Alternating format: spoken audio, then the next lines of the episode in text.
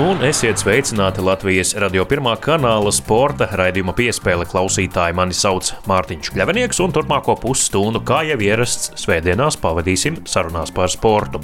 Un šajā svētdienā runāsim gan par sporta karalieni vieglatlētiku, tāpat arī par boksu dāmām Latvijā. Varbūt tāds netradicionāls savienojums, toties šonadēļ par to noteikti ir jārunā. Un, protams, pieskarsimies arī dāmu volejbola izlases gaidāmajam startam. Eiropas čempionāta kvalifikācijā dāmas jau aizvadījušas treniņus šeit pat Rīgā. Nepilnā sastāvā neoficiāli trenējas jau no marta beigām, bet uh, drīz vien dosies uz Daugopili, lai tur arī aizvadītu Eiropas čempionāta kvalifikācijas mačus. Bet par to visu jau pēc pavisam īsa brīža.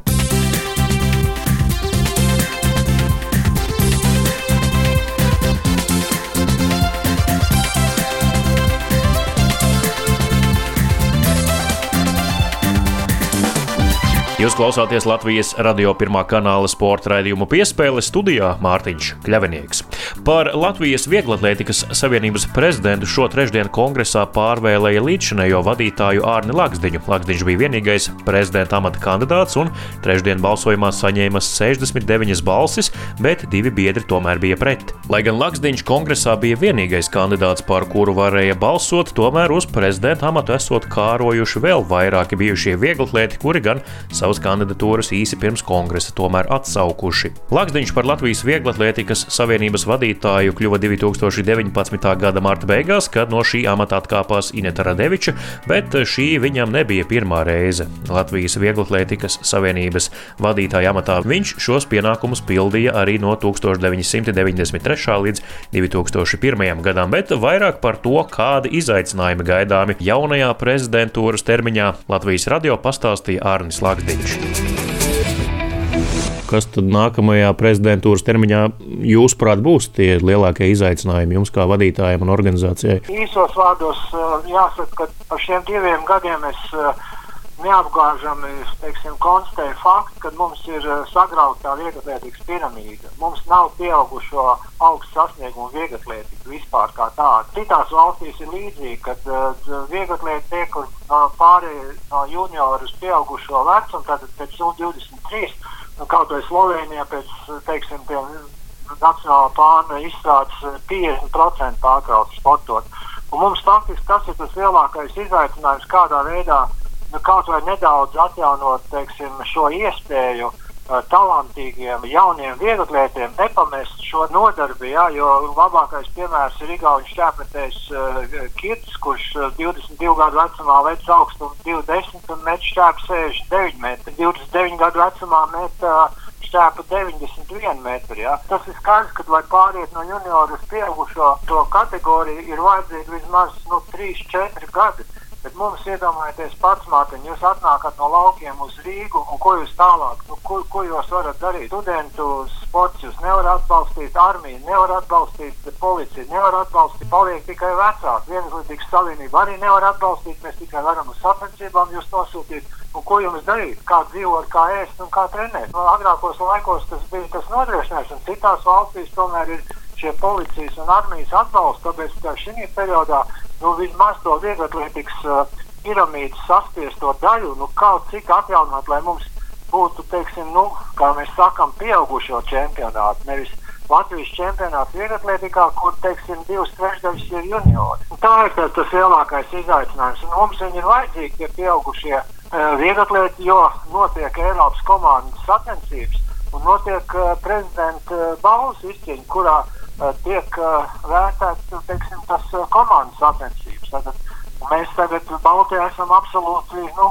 švakākie. Un tā kā tas, tas izaicinājums ir vienkārši kaut kādā veidā šiem talantīgajiem, kas tagad ir 20, 22, mums ir, ir, ir Eiropas čempioni junioriem, sudraba, bronzas medaļu, 5, 6 vietas ieguvēji. Nu, tie, kas ir Amerikā, tagad studē, tie varbūt iet citu ceļu, bet noteikti teiksim, no tiem, lai viņi iet tai pieaugušā kategorijā, tāpēc nu, mēs mēģinām. Tas ir tas, kā, kā iegūt šo, teiksim, nu, atjaunot pieprasījumu. Jo agrāk tas pieprasījums bija no sporta biedrībām, no, no, no, no studentiem, no augstskolām. Visur bija teiksim, tas pieprasījums, un līdz ar to arī bija tas atbalsts. Tagad novada līmenī sacensības nenotiek. Arī citas, teiksim, kaut kādas uh, tālākas virzības, nu, tikai ir armijā. Armijā ir viss pasaules vieglatlētīgas čempionāts, jā. Bet par lielu izbrīnu armijas sporta klubā vieglatlētīga nav. Nu, tagad jāmēģina ir vienkārši kaut kādā veidā to, to visu mēģināt, nu, iedzīvināt tie, kas skrien, tie arī ātrāk tiek pēc tam pa karjeras kāpnēm uz augšu. Tā kā ir jāskrien. Tad, kad es biju maziņš, tukumā, es metu šīs maigas, ar ko piesien cūkums. Turpina skanēt Latvijas radio pirmā kanāla sporta raidījums piespēle studijā Mārtiņš Kļavinieks. Un raidījuma turpinājumā runāsim par volejbolu, jo tieši šodien 16 spēlētāju sastāvā Latvijas dāmu volejbola izlase dodas uz Daugopili, lai tur aizvadītu treniņus un gatavotos Eiropas čempionāta kvalifikācijas spēlēm. Eiropas čempionāta kvalifikācijas turnīra spēles grupā ar Latviju, Bosniju, Hercegovinu, Sloveniju un Čehiju paredzētas divos sabraukumos no 6. līdz 8. maijam Daugopilī, bet no 14. līdz 16. maijam Bosnijas un Hercegovinas pilsētā Zenicā. Fināla turnīrs plānots šī gada augustā un septembrī Serbijā, Horvātijā, Bulgārijā un Rumānijā. Vairākas komandas vietu 24 labāko komandu skaitā jau nodrošinājušas, bet atlikušās 12 vietas fināla turnīrā ieņems 6 kvalifikācijas grupu uzvarētājs un otro vietu ieguvējs. Bet es šonadēļ paviesojos Latvijas sieviešu izlases atklātajā treniņā, kur aprunājos gan ar potenciālo komandas līderi Mārtu Kamēliju Levinsku, gan arī ar galveno treneri Pāvelu Saļivānovu. Marta Kamēlija Levīnska sarunā ar Latvijas radio sporta raidījumu piespēli Marta izlasa atkal kopā. Droši vien emociju uzjumdījums arī līdz ar to tevī šobrīd valda, vai ne? Jā, protams, es ilgi arī neesmu bijis mājās. Ir tā forša atgriezties atpakaļ vietā un zālē un ar treneriem, ko es jau sen pazīstu un zinu. Tad ir tāda sajūta, ka griežos tā kā mājās. Meitenes nevelk uz zobu, ka tu jau tagad tikai angliski un latviešu valodu aizmirsus vai tam līdzīgi. Nē, nevelk, bet es pats esmu piefiksējis, ka man vajag bišķīt laika, lai pierastu atkal pie pareizās valodas, bet uh, nē, ne, meitenes ir. Uh, Viņas interesēs par to, kā gāja. Un tā, un, un, jā, un viņas arī dalās ar pieredzi, jo daudz arī ir spēlējuši Amerikā.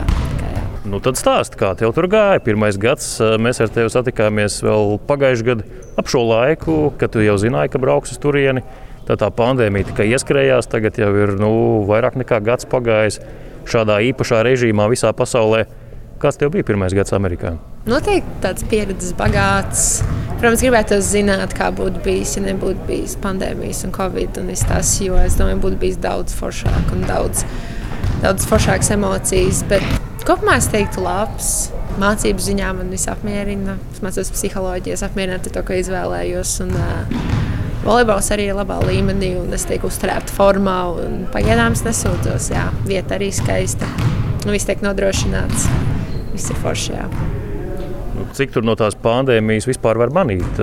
Vai mācību procesā, akadēmiskajā vidē tas kaut kā iejaucās, jums ir attālinātās lekcijas, nav klātienes nodarbību? Kā tas izpaužas? Jā, protams, mums nav klātienes lekciju, mums viss ir attālināti. Pirmgadniekam ir nu, daudz vieglāk, protams, ja dzīvē varētu iet uz lekcijām. Volejbola arī daudz ietekmēja. Mums vajadzēja testēties katru nedēļu vairākas reizes, nebija skatītāju zālēs. Un, nu, tā atmosfēra bija pilnīgi savādāka. Un, protams, arī atbildība par to, ka uh, nu, tu nedrīkst dabūt covid, jo nu, tu reāli vari izslēgt savu komandu no spēles. Un tā, un tas piedēļ tādu spriedzi un atbildību. Nu, bet visādi citādi Amerikā jau tur redzēji, nu, kas tev tur iepatikās, kas iekrita sirdī, kas patīk tā pa īstam tagad, ne tikai no filmās redzētā, bet no dzīvē arī reāli piedzīvotā. Man ir laikam paveicies, es satikusi ļoti daudz amerikāņus, un visi ir ļoti jauki, atsaucīgi, izpalīdzīgi cilvēki. Um, arī pati vieta, Arizona ir ļoti, ļoti skaista. Es nesen tieši varēju arī mazliet paceļot pa Arizonu, un tiešām ir fantastiska pieredze, un tiešām ir, ko es atcerēšos. Un, uh, un Amerika ir tāda visu iespēju zeme, viss ir iespējams, un uh, tiešām ir tāda brīvība tur ko volejbola ziņā tu iegūsi šī gada laikā. Tur treniņa process absolūti atšķirīgs. Eh, ko tu no tā uzsūci sevī šī gada laikā? Daudz vairāk pievērš uzmanību tehniskām lietām, kam es pat iepriekš nebiju tā pat iedomājusies. Pievērš uzmanību.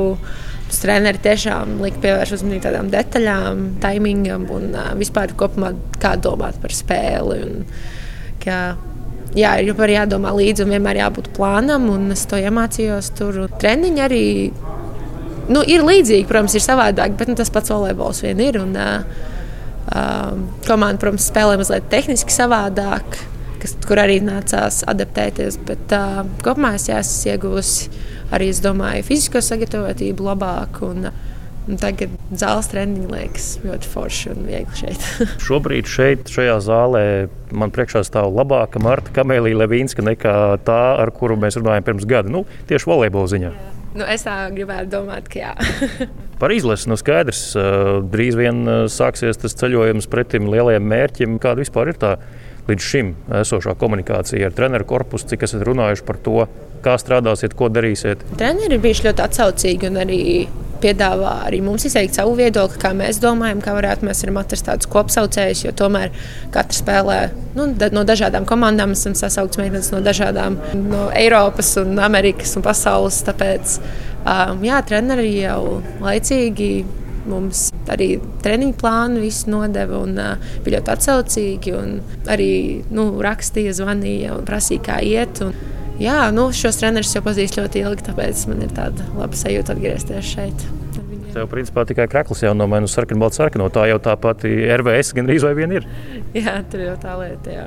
Labi, Marta, paldies. Vairāk tev neaizkavēšu. Droši dodies pie kolēģiem. Paldies par šo sarunu, lai veicas izlasē. Paldies! Visu labu!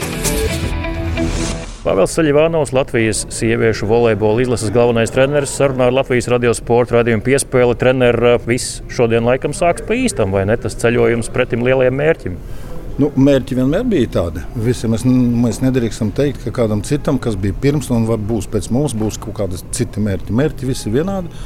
Pirmkārt, uzvarēt, un tālāk, un tas ar, ar uzvaru tik tālāk, kur jātiek tālāk. Nu, tas ir tāds. Nu, savādāk neko nevar izdomāt. Bet eh, to, ka mēs tikai šodien sākam, tā nav taisnība. Mēs jau sākam no 22. marta.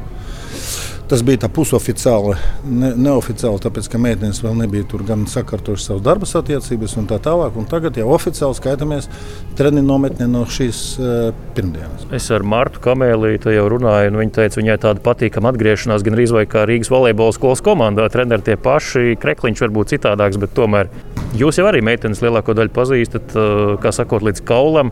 Tas droši vien trenerim arī ļoti labi palīdz, ka nav jāiepazīst un nav jāiejaucējās šajā visā kolektīvā.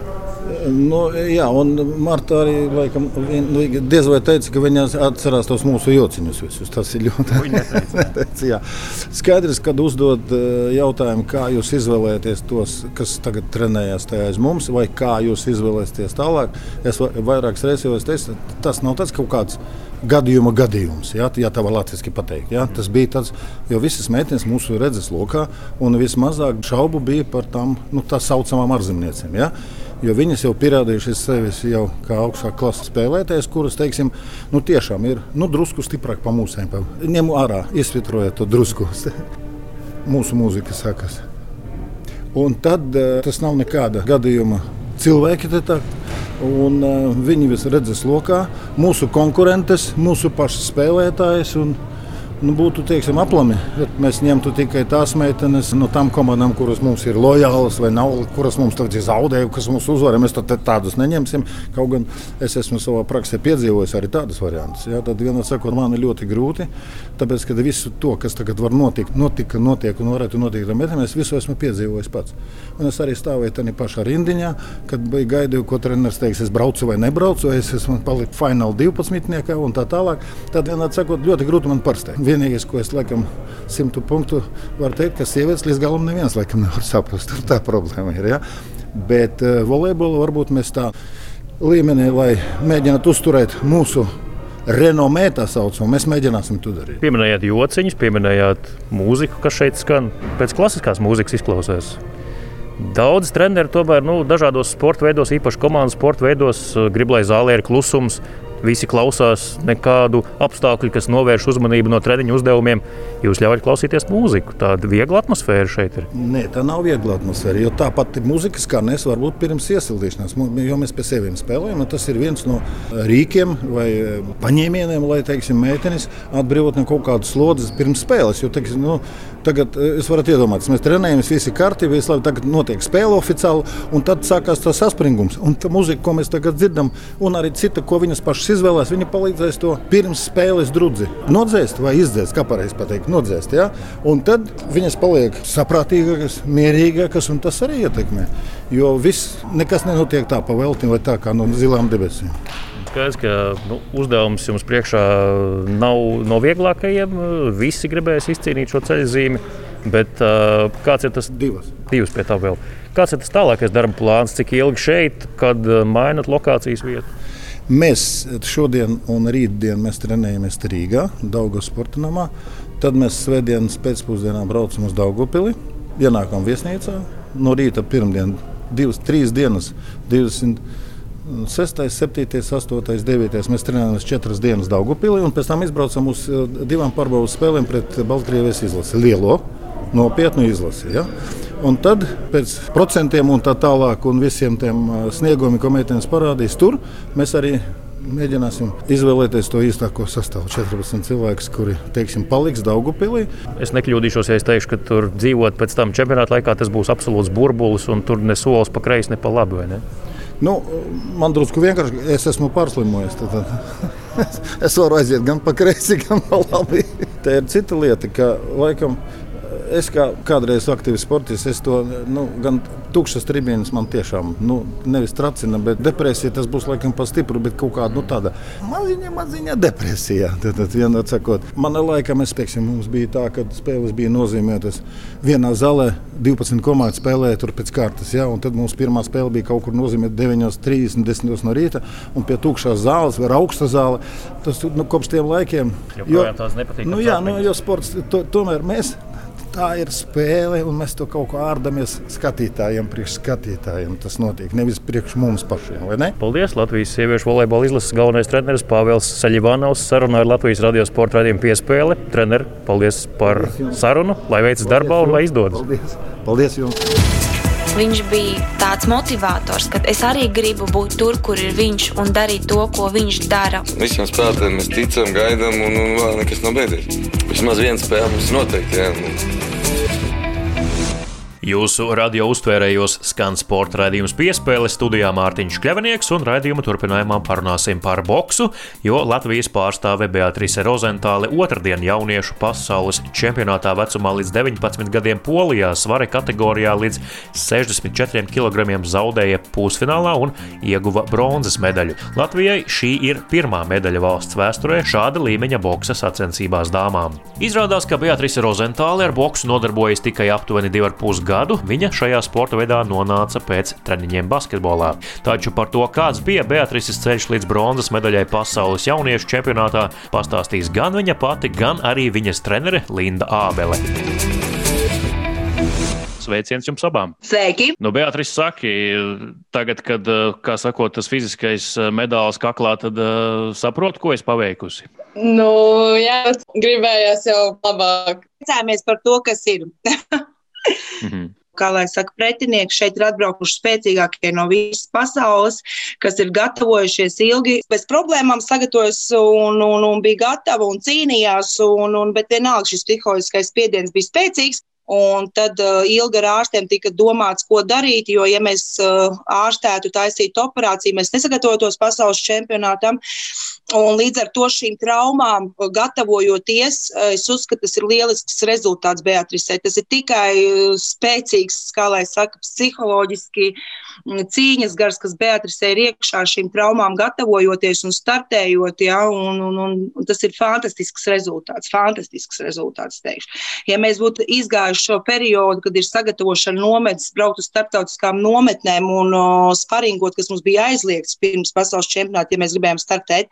Ja mēs būtu šo visu periodu izgājuši, tad uh, būtu, es domāju, vēl labāks rezultāts. Bet nē, jāsaka, liels paldies, kā ir, un mēs ļoti priecājamies, ka mēs esam startējuši, kad Beatrice ir sanācis nostartēt. Beatrice tika uz starta, jo ir ļoti daudz šķēršu, sākot visas analīzes, Covid, tu uztraucies, uh, trīs Covid testi tika nodot, tad viss nu, ļoti daudz šķērs, kas notika, lai nestartētu. Varbūt Beatrice pati pastāsta, kāds tev bija šis līkumotais un ērkšķiem kaisītais ceļš uz, uz bronzu, kam, kam tev bija jāiet cauri? Protams, bija ļoti grūti tas pats sagatavošanās process, jo daudz ko nevarēja arī darīt un atdoties uz 100%.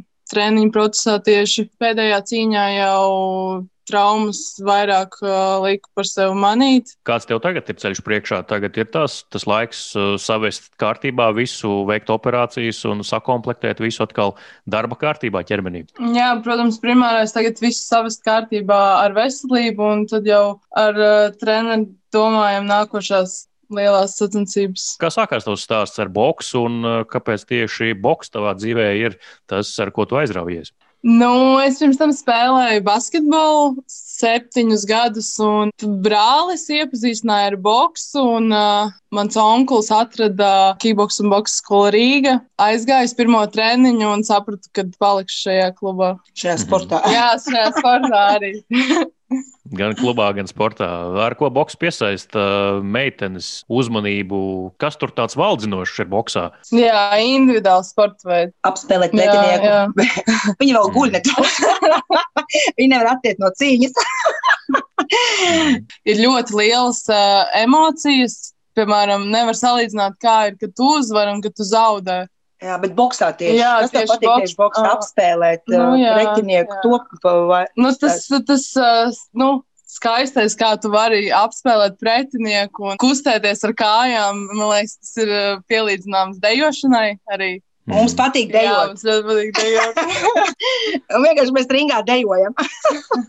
Jā, nu tajā pašā cīņā pret vācieti Linda.